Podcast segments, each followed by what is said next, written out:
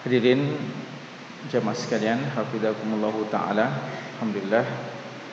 Pada malam hari ini di malam Rabu, malam Rabu yang ke-23 di bulan Dzulqa'dah 1438 Hijriah. Dengan izin Allah dan taufiknya kembali kita hadir bermajlis untuk sama-sama mendekatkan diri kepada Allah bermajlis di rumah dari rumah-rumah Allah Subhanahu wa taala mengkaji hadis-hadis Rasulullah sallallahu alaihi wasallam hadis-hadis beliau yang merupakan kaidah-kaidah penting dalam ad-din kita ini yang dirangkum dikumpulkan oleh Syekh Dr. Umar bin Abdullah bin Muhammad Al-Muqbil hafizahullah taala. Beliau kumpulkan hadis-hadis Nabi wasallam yang merupakan kaidah-kaidah penting dalam Islam dalam buku beliau Khamsuna Qaidah fil Ilmi wal Akhlaq was Suluk 50 kaidah yang berasal dari hadis-hadis Nabi sallallahu alaihi wasallam yang mencakup persoalan ilmu, akhlak dan suluk. Eh, jamaah sekalian, pembahasan kita masih dalam kaidah yang ke-17 yang insyaallah pada malam hari ini kita akan menyelesaikan kaidah yang ke-17 al-qaidatu an-nabawiyatu as-sabi'ata asyrah kaidah Nabi sallallahu alaihi wasallam atau kaidah yang berasal dari hadis Nabi sallallahu alaihi wasallam kaidah yang ke-17 yaitu wa atbi'is sayyatal hasanata tamhuha. Ikutkanlah perbuatan kesalahan dengan perbuatan kebaikan niscaya kebaikan akan menghapuskan kesalahan yang telah berlalu.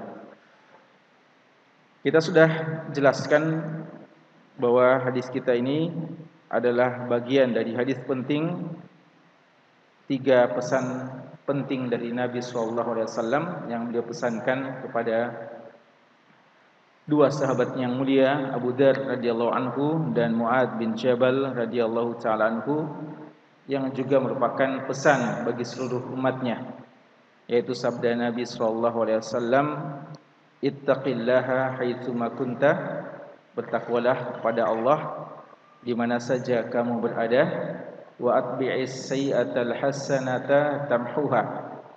Ikutkanlah dosa kesalahan dengan perbuatan kebaikan. Niscaya kebaikan akan menghapuskan kesalahan tersebut. Wa khaliqin nasa bi khuluqin hasan. Dan bergaulah dengan manusia dengan muamalah yang baik, pergaulan yang baik. Pada bagian paling terakhir pembahasan kita pekan lalu, kita sudah memasuki bagian-bagian terakhir dari pembahasan Syekh yaitu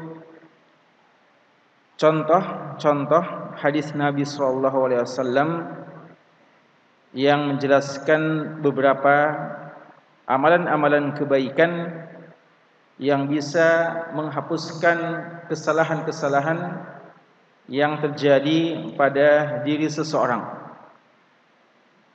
Ya, bagian bagian akhir dari pembahasan Syekh ini adalah beberapa contoh dalil-dalil yang menjelaskan beberapa contoh kebaikan-kebaikan amalan-amalan soleh yang mana amalan-amalan soleh itu bisa menghapuskan dosa-dosa yang telah berlalu.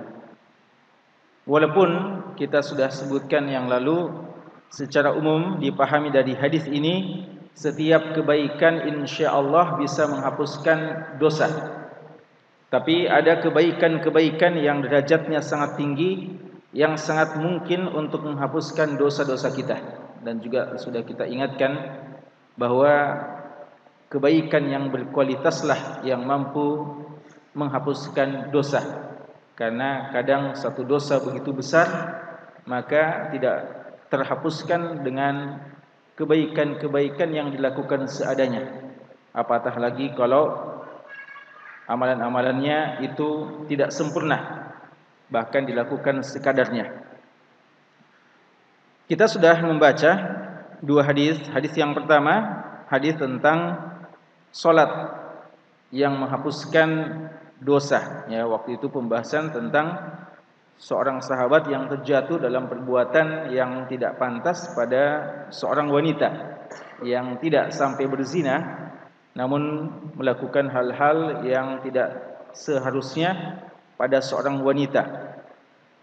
Lalu orang itu sangat merasa bersalah dan dia tahu ini adalah dosa yang tidak pantas dilakukannya, maka dia minta kepada Nabi sallallahu alaihi wasallam untuk dihukum. Dan Nabi sallallahu alaihi wasallam mendiamkannya.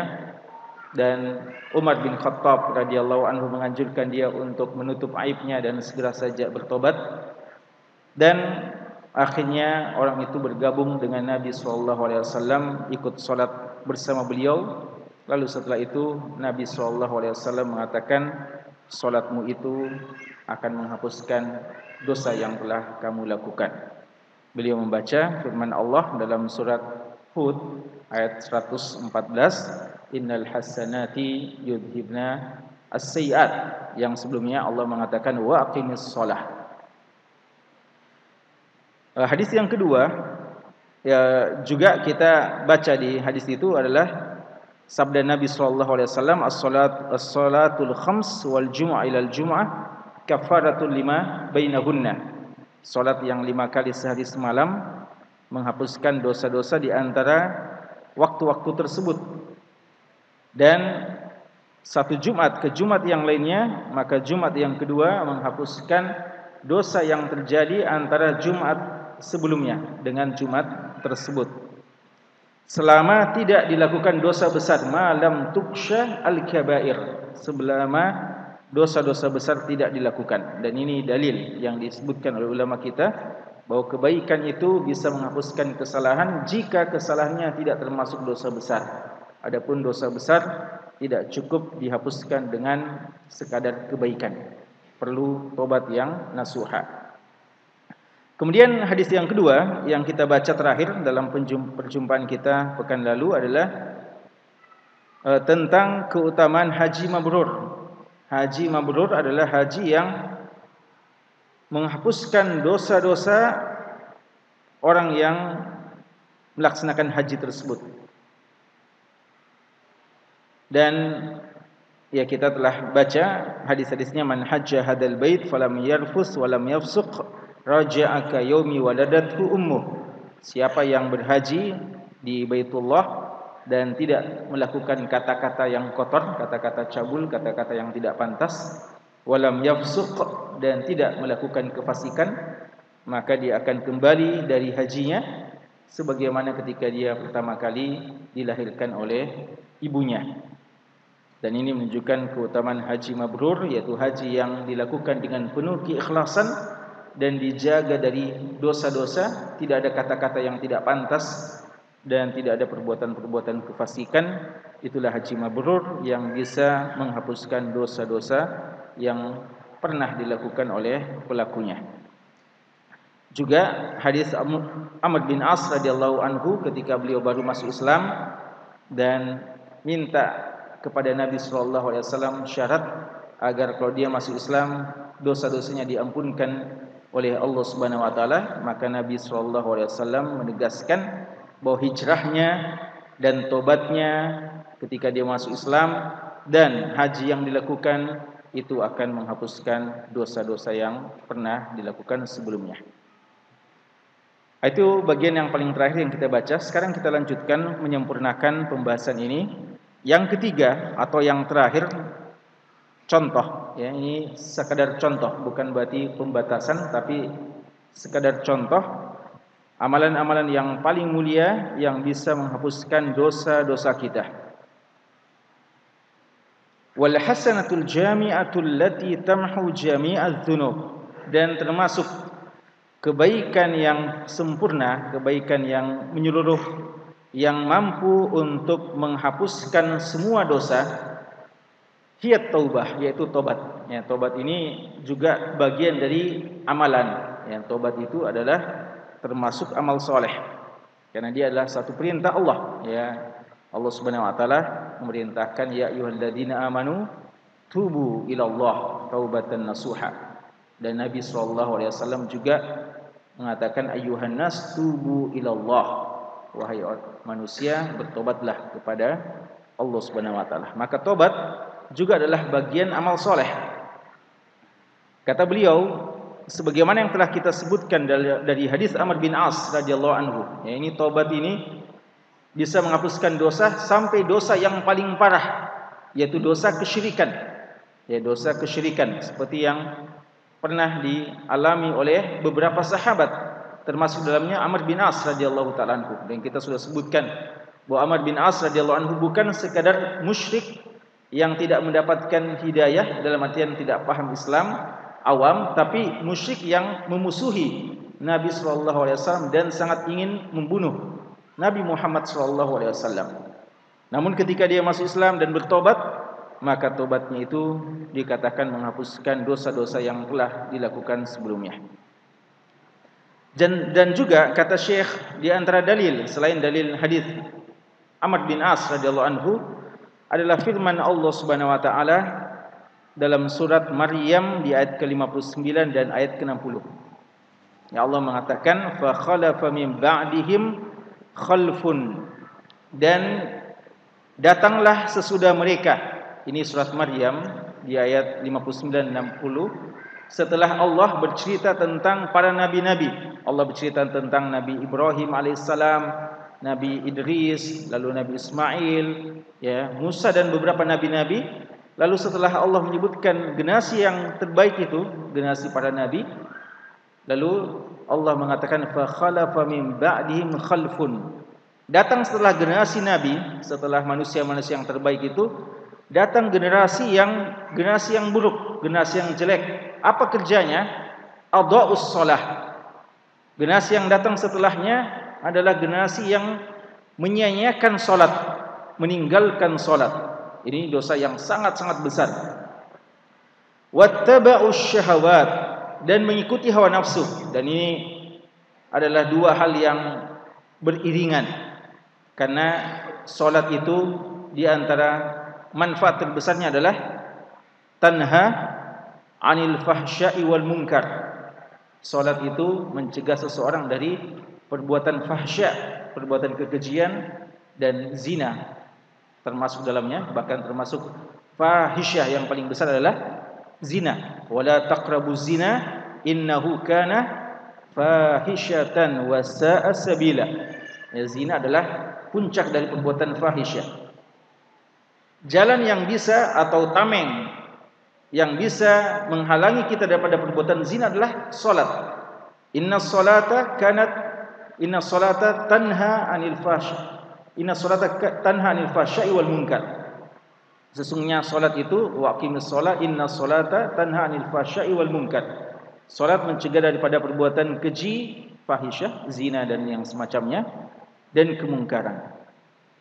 Maka kalau adha'us salah, kalau dia sudah sia-siakan salatnya, maka tidak diherankan wattaba'us syahawat, dia akan mengikuti hawa nafsu dan syahwat.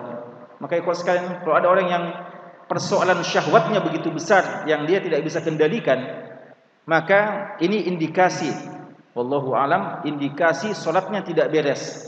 Seandainya salatnya bagus insyaallah syahwat yang memang ada pada setiap orang tapi dia bisa kendalikan. Ya, orang-orang yang rajin salat orang-orang yang tidak berlaku zina bukan orang yang tidak punya syahwat bukan orang yang tidak normal tapi orang yang bisa mengendalikan syahwatnya untuk taat kepada Allah karena dia memiliki tameng yang sangat kuat yang sangat kokoh yaitu salat. Maka kalau ya ini generasi yang buruk ini. Adha'us salata wattaba'us syahawati fasawfa yalqawna ghayya. Maka kalau ini sudah kelakuannya orang, kalau ini sudah cirinya, maka kelak dia akan dilemparkan akan menemui yalqauna akan menemui ghayya. Al-ghay kesesatan dan sebagian menafsirkan dia adalah al-wadi fi jahannam. Salah satu nama lembah di neraka jahannam. Waliyadzubillah. Kau sekalian ini dosa yang sangat besar.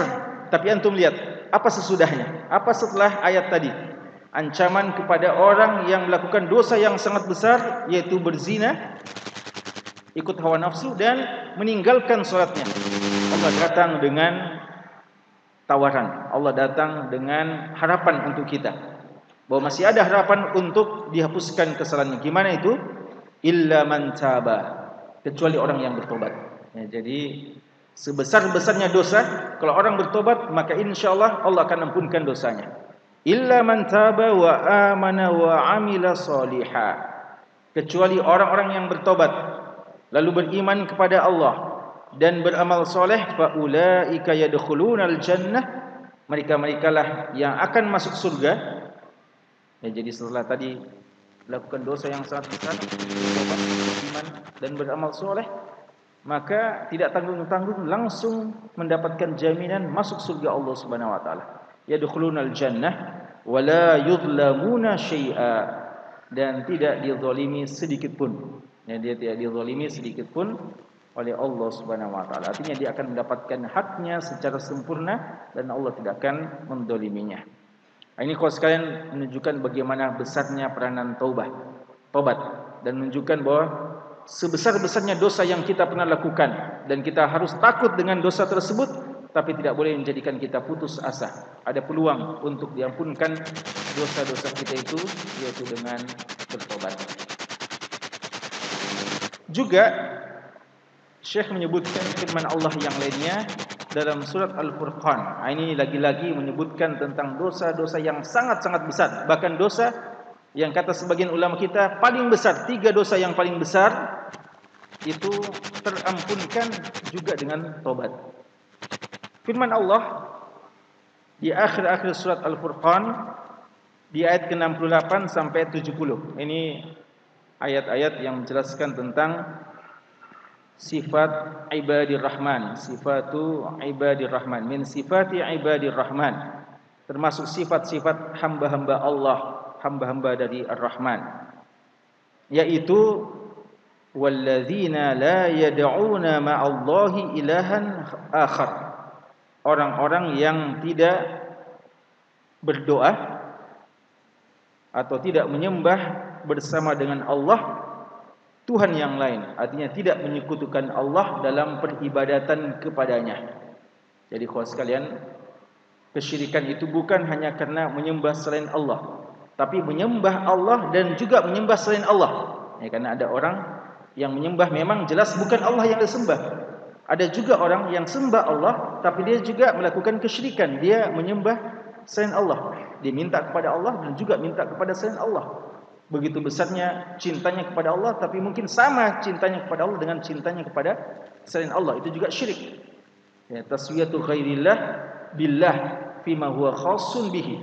Menyamakan Allah dengan sesuatu selain Allah yang sebenarnya itu cuma haknya Allah saja. Itu namanya syirik. Orang-orang yang tidak menyekutukan Allah dalam peribadatan kepadanya wala yaqtuluna an-nafsa allati harramallahu illa bil haqq dan tidak membunuh jiwa yang Allah telah haramkan untuk membunuh kecuali dengan alasan yang benar. Siapa yang Allah haramkan untuk dibunuh muslim atau yang memang telah Allah larang, ya. Illa bil haqq kecuali dengan alasan yang benar, alasan benar yang dibenarkan oleh syariat. Illa bi haqqil Islam seperti umpamanya dia berzina padahal dia sudah nikah sebelumnya, muhsan. Maka Islam membolehkan untuk dibunuh syariat Islam. Ya, artinya ketika ada pemerintahan Islam yang menegakkannya. Atau pembunuh dia tetap muslim tapi dia juga halal darahnya untuk dibunuh. Qisas dan beberapa hukum-hukum lainnya. Itu maksudnya illa bil haqq wala yaznun. Dan dia tidak berzina. Ini tiga dosa yang paling besar ini.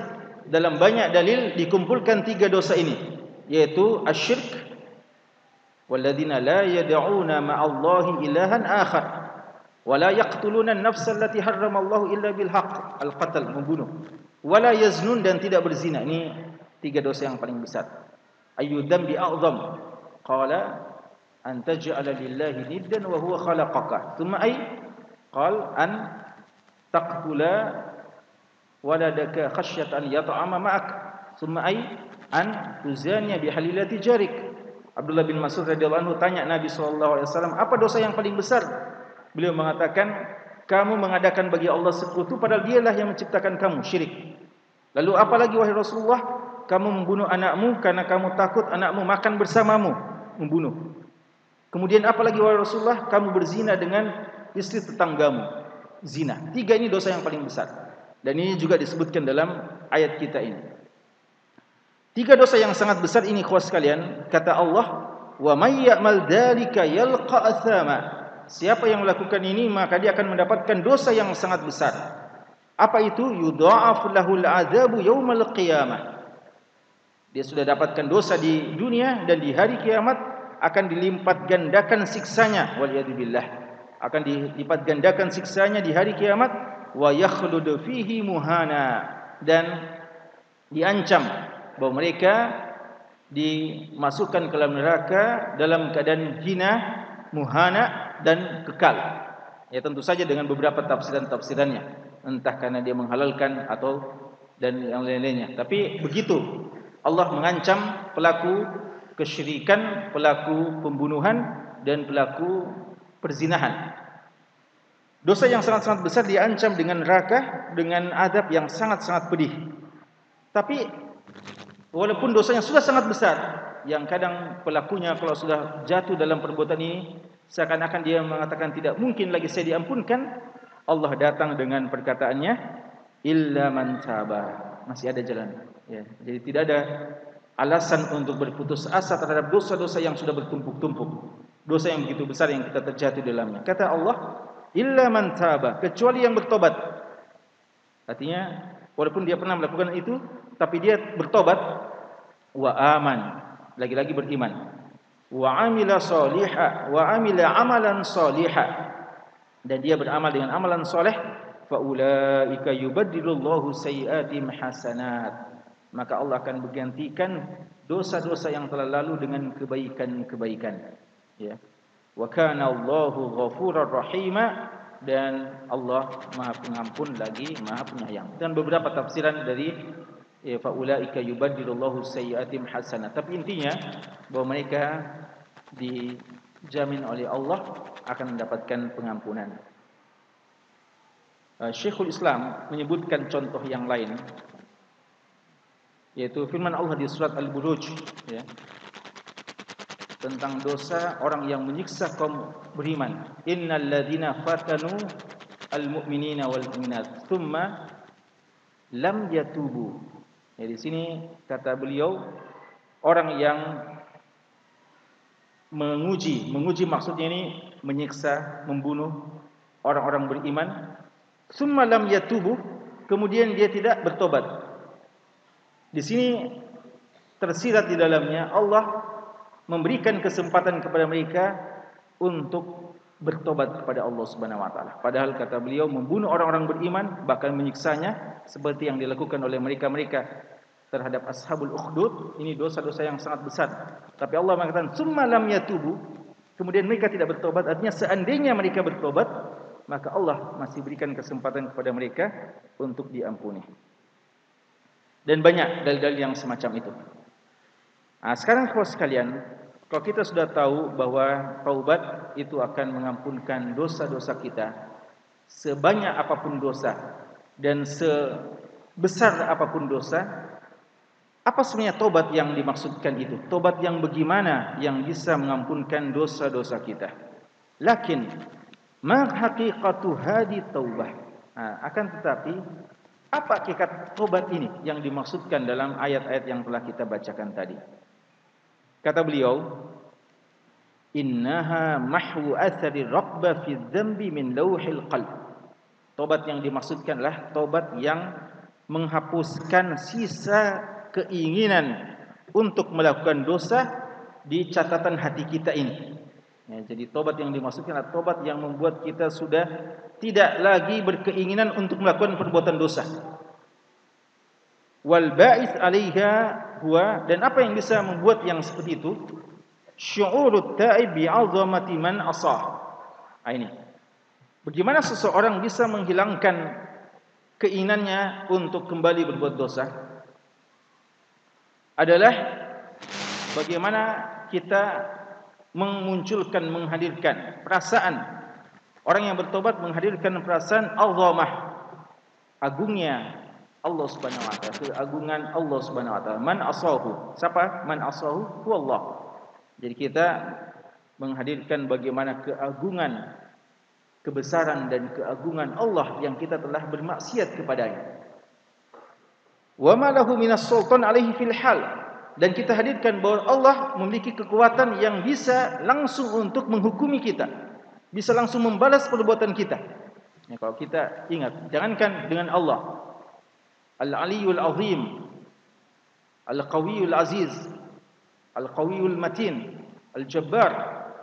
Manusia biasa saja ya, Manusia Walillahil Mathalul A'la. Manusia biasa Yang kalau sangat kuat Yang sangat hebat Yang seseorang takuti Yang pernah kita melakukan hal yang bersalah Tersalah lalu kita dihukumi atau kita takut akan hukumannya maka kita sudah akan berupaya untuk tidak mengulangi kedua kalinya. Karena kita sangat takut bahwa begitu lakukan lagi kita akan segera disiksanya lagi akan dipukulinya akan dihancurkan. Ya. Dan Allah di atas segala-galanya. Ya Allah Subhanahu wa taala Maha kuat Maha perkasa Maha agung. Ini harus kita hadirkan pada diri kita wa kaunu masirihi ilaihi fil ma'al. Dan bagaimana tempat kembalinya nanti. Ya, kita hadirkan. Bahwa kalau saya terus melakukan dosa ini di mana tempat kembali saya? Tidak mungkin di surga Allah Subhanahu wa taala. Saya terancam untuk memasuki neraka Allah Subhanahu wa taala. La jarama anna syu'ur bi hadha sultan al ilahi ba'da mufaraqati dzam ya tidak mengherankan bahwa perasaan yang seperti ini akan bagaimana kekuatan ilahi setelah kita jatuh dalam perbuatan dosa ya ba'atu fi qalbil mu'min al-haiba wal khasyah. Ya, kalau kita hadirkan hal yang seperti ini maka akan muncul pada perasaan kita al-haiba perasaan betul-betul takut akan haibah dari Allah. Ya haibah itu kalau bahasa kita kewibawaan ya. Ya kita merasa betul bagaimana besarnya Allah agungnya Allah dan kita akan rasa takut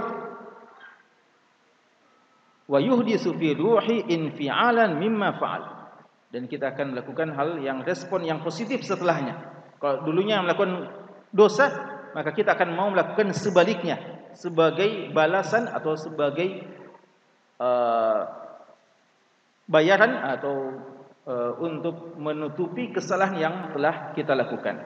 Ya respon positif dari apa yang dilakukan dari sebelumnya wa nadaman ala sudurihi anhu. Dan perasaan menyesal. Wa yazidu hadzal hal fi nafsi tadhakkurul wa'id ala dhalika dzam dan ini akan menambah perasaan ini perasaan takut. Ini akan bertambah jika kita mengingat akan ancaman dari perbuatan dosa itu. Dan ikhwas sekalian tidaklah Allah menyebutkan dosa kecuali Allah menyebutkan bahaya-bahayanya ya. cuma ya Allah musta'an kadang kita melupakan ancaman tersebut. Wa ma rattaballahu alaihi minal uqubati fid dunya wal akhirah. Dan payahnya dosa ini bahayanya dosa ini bukan cuma di akhirat nanti. Tapi juga adalah uqubah sanksi dan hukuman yang diberlakukan di dunia dan di akhirat. Ya, cuma inilah masalahnya. Ketika syariat Islam tidak ditegakkan ketika hukum Allah tidak di terapkan maka orang memudah-mudahkan perbuatan dosa. Padahal sebenarnya hukum Allah ditegakkan, syariat itu dibuat diterapkan bukan untuk setiap hari kita mau hukumi orang, bukan. Justru itu untuk meminimalisir bahkan mungkin menghilangkan sama sekali kemungkinan keinginan niatan untuk melakukan dosa. Ini kadang jadi salah paham ya orang-orang yang fobi terhadap Islam, orang-orang yang benci sama Islam, tidak tahu sama Islam, kadang memfitnah, ya, memfitnah bahasa Indonesia. Dalam artian menuduh Islam suka menghukum, yang suka menyiksa. Padahal sebenarnya justru itu diberlakukan atau itu ditegakkan untuk menghilangkan kemungkinan seringnya orang terjatuh dalam dosa-dosa tersebut.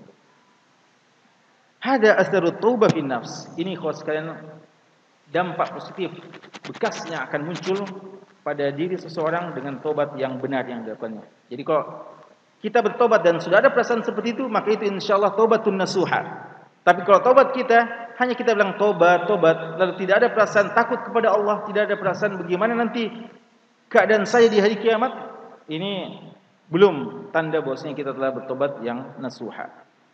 Hadal asar yuz'iju ta'ib ila al-qiyam bi amal fadad dalika dzam alladhi taba minhu. Ini akan menjadikan kita mau untuk melakukan yang sebaliknya.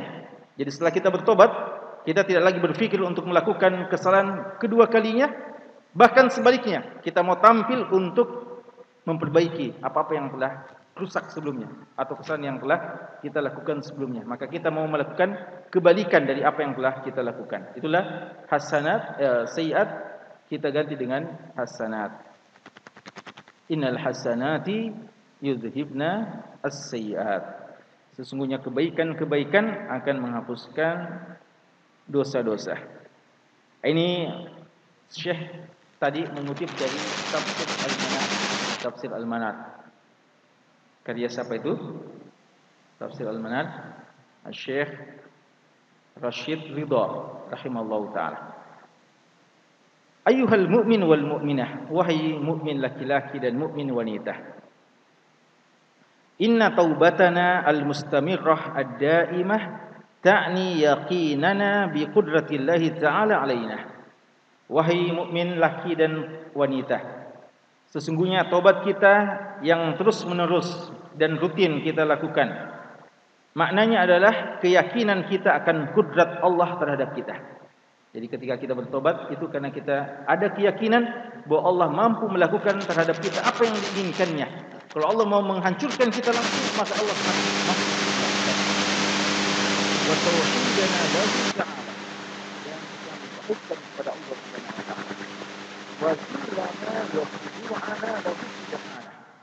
Dan kita akan menghinakan diri kita di hadapan Allah Subhanahu wa taala. Jadi kita tidak pernah merasa hebat dan kita selalu merasa hina di hadapan Allah Subhanahu wa taala. Wa annahu la ahada yamliku mahwu dzunubina siwa ya. Dan kita yakin bahwa tidak ada yang bisa menghapuskan dosa kita selain Allah. Kan payahnya ikhwan sekalian kenapa kadang kita terjatuh dalam perbuatan dosa? Kadang adalah bisikan-bisikan panggilan-panggilan ajakan-ajakan teman kita. Seakan-akan teman kita memberikan jaminan kepada kita mari ke sini sama-sama saja saya bisa menjamin kita akan bisa bertobat. Atau dosa kita bisa Seakan-akan syaitan memunculkan kepada kita perasaan bahwa ada yang bisa menghapuskan dosa dan kesalahan selain Allah Subhanahu wa taala. Maka itu belum tobat yang benar. Ya, tobat yang benar adalah keyakinan kita, kesadaran kita bahwa tidak ada yang bisa menghapus menghapuskan dosa kita kecuali Allah Subhanahu wa taala. Sebagaimana dalam hadis sahih, ya, hadis yang diriwayatkan oleh Imam Muslim. Disebutkan dalam hadis qudsi uh, hadis Nabawi. Dalam hadis dikatakan inna abdan inna abdan asaba janda. Seorang hamba jatuh dalam perbuatan dosa. Faqal hamba ini mengatakan Rabbi aznabtu fakfirli. Ya Allah, saya telah melakukan satu dosa, maka ya Allah ampunilah aku. Faqala rabbuh maka Rabb berkata, Rabbnya berkata, Allah Alima abdi anna lahu rabban yakfiru dzamba wa ya'khudhu bih. Ya. Bahwa hamba ku tahu bahwa dia memiliki Rabb yang akan menghukumi dosanya dan dia akan bisa juga menghukumi. Lalu kata Allah, "Ghafartu li 'abdi," maka saya akan mengampuni dosa hamba. Summa makasa masya, kemudian berlalu beberapa waktu lamanya. Ya setelah dia tobat yang nasuha tadi. Summa asaba dzamba, kemudian dia jatuh lagi dalam perbuatan dosa. Nah, ini kau sekalian perlu diingat ya. Makna syarat dari tobat nasuha adalah adanya azam yaitu komitmen adanya uh, janji kepada Allah atau azam yang kuat tekad yang kuat untuk tidak mengulangi perbuatan dosa. Itu syarat dari tobat nasuha. Bukan syarat dari tobat nasuha adalah tidak lagi terjatuh dalam dosa tersebut. Jadi bukan dikatakan syarat tobat nasuha tidak boleh lagi jatuh. Tapi adanya azam tekad kuat tidak mau lagi jatuh. Apakah jatuh nanti atau tidak itu adalah ya sangat tergantung dengan bagaimana selanjutnya dan juga sangat tergantung dengan taufik dari Allah Subhanahu wa taala. Maka orang yang dikatakan tobat nasuh bukan berarti tidak pernah lagi dosa, ya karena tidak ada yang seperti itu. Tapi yang penting ketika dia bertobat betul-betul memang bertekad untuk tidak lagi mengulangi dan sangat-sangat menyesal. Namun ternyata hamba ini ketika lewat beberapa lama dia sudah meninggalkan dosa itu, ternyata dia lagi berdosa. Maka apa yang dilakukannya? Dia tidak merasa tenang bahkan dia langsung gelisah lalu dia langsung kembali kepada Allah dan mengatakan Robbi adnabtu akhir fakfirhu. Ya.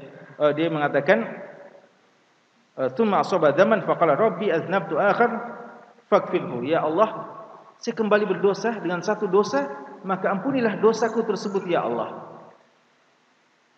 Faqal alima abdi anna lahu rabban yaghfir dzamba wa ya. Hambaku tahu bahwa dia memiliki Rabb yang mengampuni dosa dan bisa menghukuminya. Maka kata Allah, "Ghafartu li 'abdi." Saya mengampuni dosa hamba-Ku. Jadi tadi setelah dia berazam tidak dosa, ternyata dosa lagi dua kali.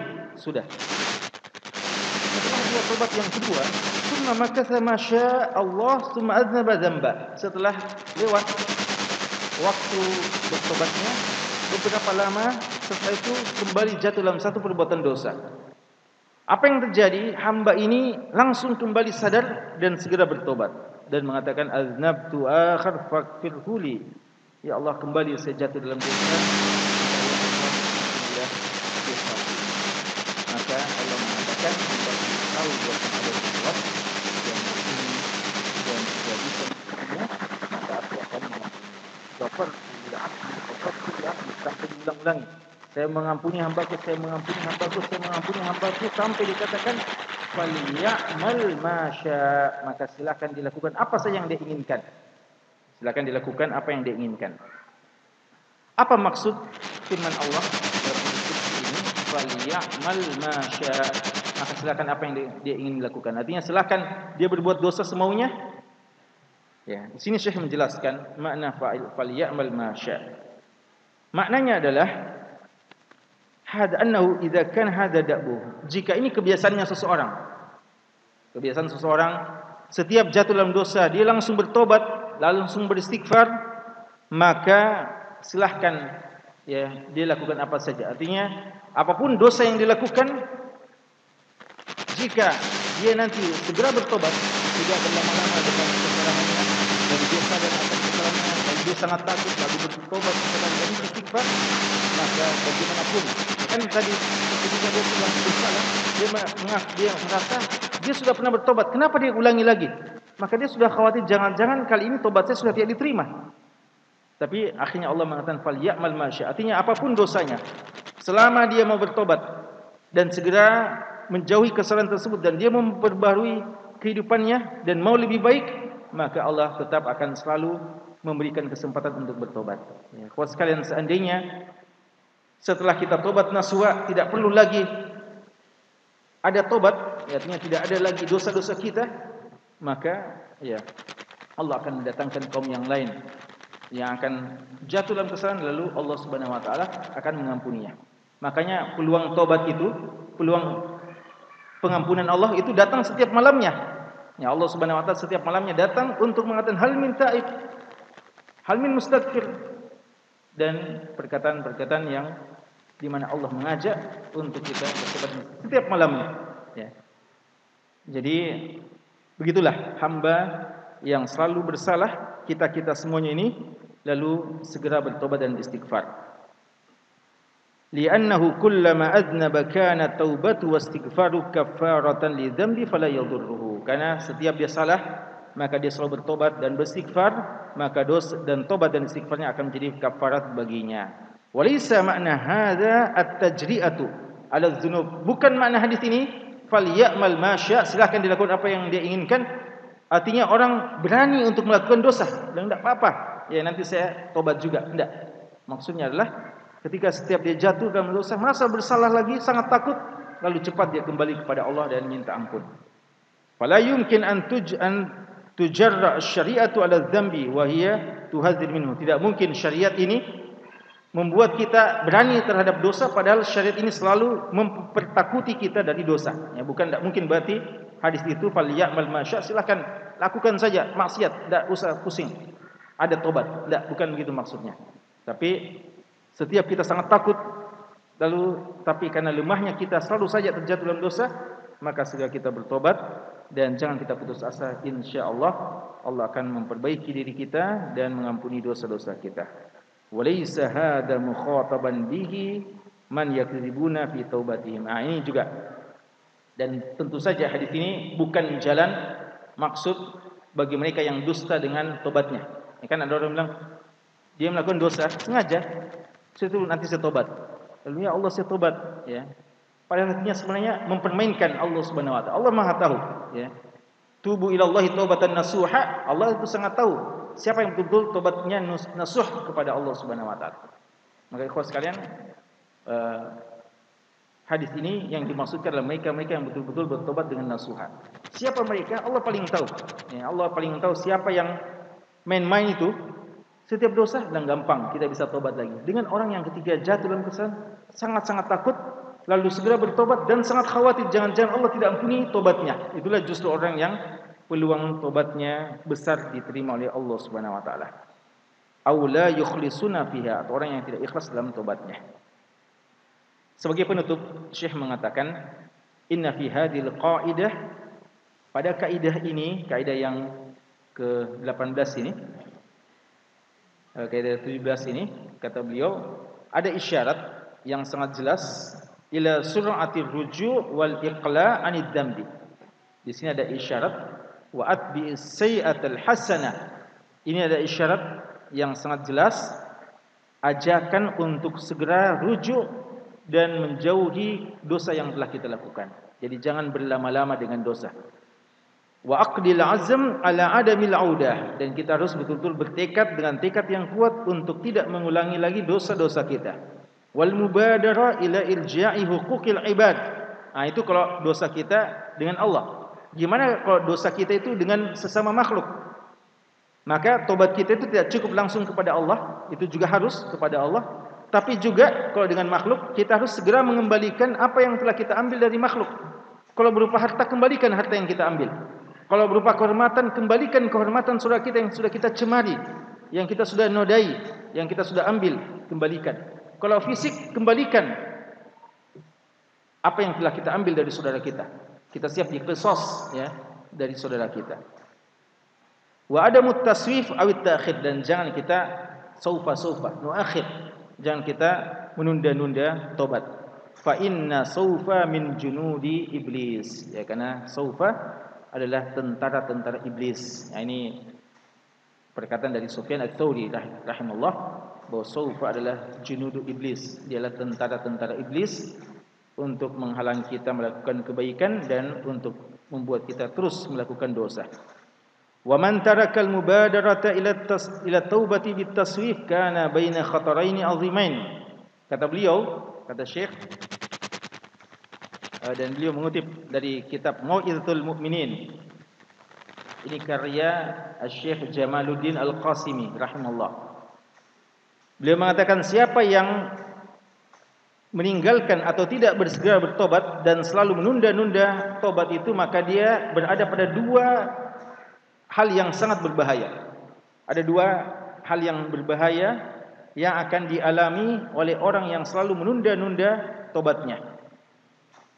Pertama, antataraka mazulma ala qalbihi minal ma'asi. Kuas sekalian, kalau kita selalu lambat-lambat dos, lambat-lambat bertobat, maka akan bertumpuk-tumpuk kegelapan hati kita. Ya, ingat, satu dosa, maka itu adalah satu nokta hitam pada hati kita. Dan nokta hitam ini bisa hilang kalau kita bertobat. Tapi kalau kita biarkan, kita bilang nanti sekalian, waliyadzubillah.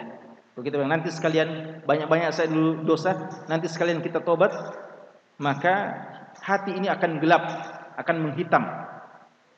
Hatta yasira balrana ala qulubihim. Ya, ran artinya sudah tertutup. Wa taba'an fala yuq fala yaqbal al mahw. Ya sudah terstempel, sudah tertutup, tidak lagi bisa untuk dihapuskan. Sudah menggelap, ya, susah dihapuskan.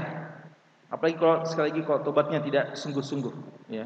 Ini bahayanya. Bahaya yang pertama, kalau kita tunda-tunda selalu tobat dan tunda-tunda untuk memperbaiki diri kita setelah jatuh dalam kesalahan, maka dosa-dosa kita akan menumpuk dan hati kita gelap dan menghitam dan sulit lagi untuk menerima kebaikan-kebaikan. Yang kedua, an yu'ajilahul marad awil maut. Nah, ini bahayanya. Kalau kita bilang nanti saja, nanti umur begini, nanti kalau sudah 30 tahunan, 40 tahun, nanti kalau sudah nikah, nanti kalau sudah selesai, nanti akan kita akan didahului oleh kematian. Atau sakit minimal, ya. Dan bedanya sakitnya orang beriman dan sakitnya orang ahli maksiat. Ya, sakitnya orang beriman walaupun tidak melakukan kebaikan pahalanya terus mengalir. Sakitnya ahli maksiat walaupun tidak bermaksiat tapi tidak ada tobat maka dosanya pun mungkin masih terus mengalir. Waliyadzubillah. Fala yajidu muhla lil ishtigal bil mahwi. Bil mahwi. Maka kalau kita sudah sakit kita sudah uh, meninggal dunia tidak ada lagi kesempatan untuk memperbaiki dosa kita yang telah berlalu. Fayatillahu biqalbi ghairin salim. Fayatillaha biqalbin ghairi salim. Dia akan nanti bertemu dengan Allah tidak dengan membawa model yang paling utama yang harus kita bawa ketika bertemu dengan Allah. Illa man atallaha biqalbin salim. Ini modal yang paling utama ikhwan sekalian. Modal yang paling utama kita bertemu dengan Allah satu saja bukan harta benda. Bukan anak kita yang kita banggakan. Bukan bukan dan bukan. Tapi orang yang datang dengan biqalbin salim. Ini saja. Tapi bagaimana bisa ada qalbun salim kalau tidak pernah tobat dan hati penuh dengan maksiat dan maksiat. Wala yanju illa man atallaha biqalbin salim. Dan tidak selamat kecuali orang yang datang dengan hati yang selamat. Hati yang selamat, qalbun salim, qalbun salim minasyirk, salim minal bid'ah, salim min jami'i adz-dzunubi wal ma'asi. Yang dimaksudkan hati yang selamat, hati yang selamat dari kesyirikan, hati yang selamat dari bid'ah dan hati yang selamat dari segala macam jenis dosa besar ataupun kecil. Penutup khulasatul qaidah kesimpulan dari kaidah ke-17 ini min rahmatillahi bika termasuk rahmat Allah kepadamu wahai hamba an ja'ala li dzunubika mimhatan Allah berikan jadikan pada dosa kita penghapus ya sebagaimana penghapus tulisan maka untuk dosa ini ada mimha penghapusnya fashkurhu alaiha maka bersyukurlah kepada Allah atas karunia Allah berupa penghapus-penghapus dosa kita. Yang kedua, qabil kull maksiatin bima yudadduha min at-ta'at. Hadapkan, perhadapkan setiap maksiat yang kita lakukan dengan lawan-lawan dari kemaksiatan. Jadi kalau kita jatuh dalam kemaksiatan, segera munculkan lawannya, kebaikan-kebaikan yang akan bisa menghapuskan maksiat-maksiat tersebut. Jadi jangan maksiat, tambah lagi maksiat, tambah lagi maksiat. Maksiat segera kebaikan. Hapuskan maksiat tadi. Terakhir sekali, at-taibu mu'azzim lirabbi. Orang yang suka bertobat itu adalah orang yang mengagungkan Rabbnya. Jadi kalau sekalian bukan dikatakan orang yang tidak berdosa itulah yang mengagungkan Rabbnya. Orang yang berdosa tapi suka bertobat, ya, itulah yang mengagungkan Rabbnya wal musir dan orang yang terus menerus dengan dosanya tidak tobat-tobat juga ala dzambihi wal musirru ala dzambi orang yang terus dengan dosanya ala syafa halakah sungguh dia berada dalam jurang kebinasaan. Waliyadzubillah. Sekali ini khos sekalian uh, beberapa hal yang diingatkan kepada kita oleh Syekh Jazakallahu khairan. Dan semoga kita bisa mengambil pelajaran yang berharga ini pesan yang sangat penting dari Nabi kita sallallahu alaihi wasallam bahwa kita manusia biasa yang wajar ketika jatuh dalam kesalahan namun yang tidak wajar jika kita tidak mau tobat dan terus dalam kesalahan tersebut. Mari ketika kita jatuh dalam kesalahan segera kita bangkit dan segera kita ikutkan kesalahan kita dengan kebaikan dan kebaikan semoga Allah mengampuni dosa-dosa kita dan menjadikan kita hamba-hamba yang dibersihkan dari dosa-dosa tersebut. Semoga bermanfaat. Wallahu taala alam. Sallallahu ala nabiyyina Muhammadin wa alihi washabbihi wasallam. Wa akhiru da'wana alhamdulillahi rabbil alamin.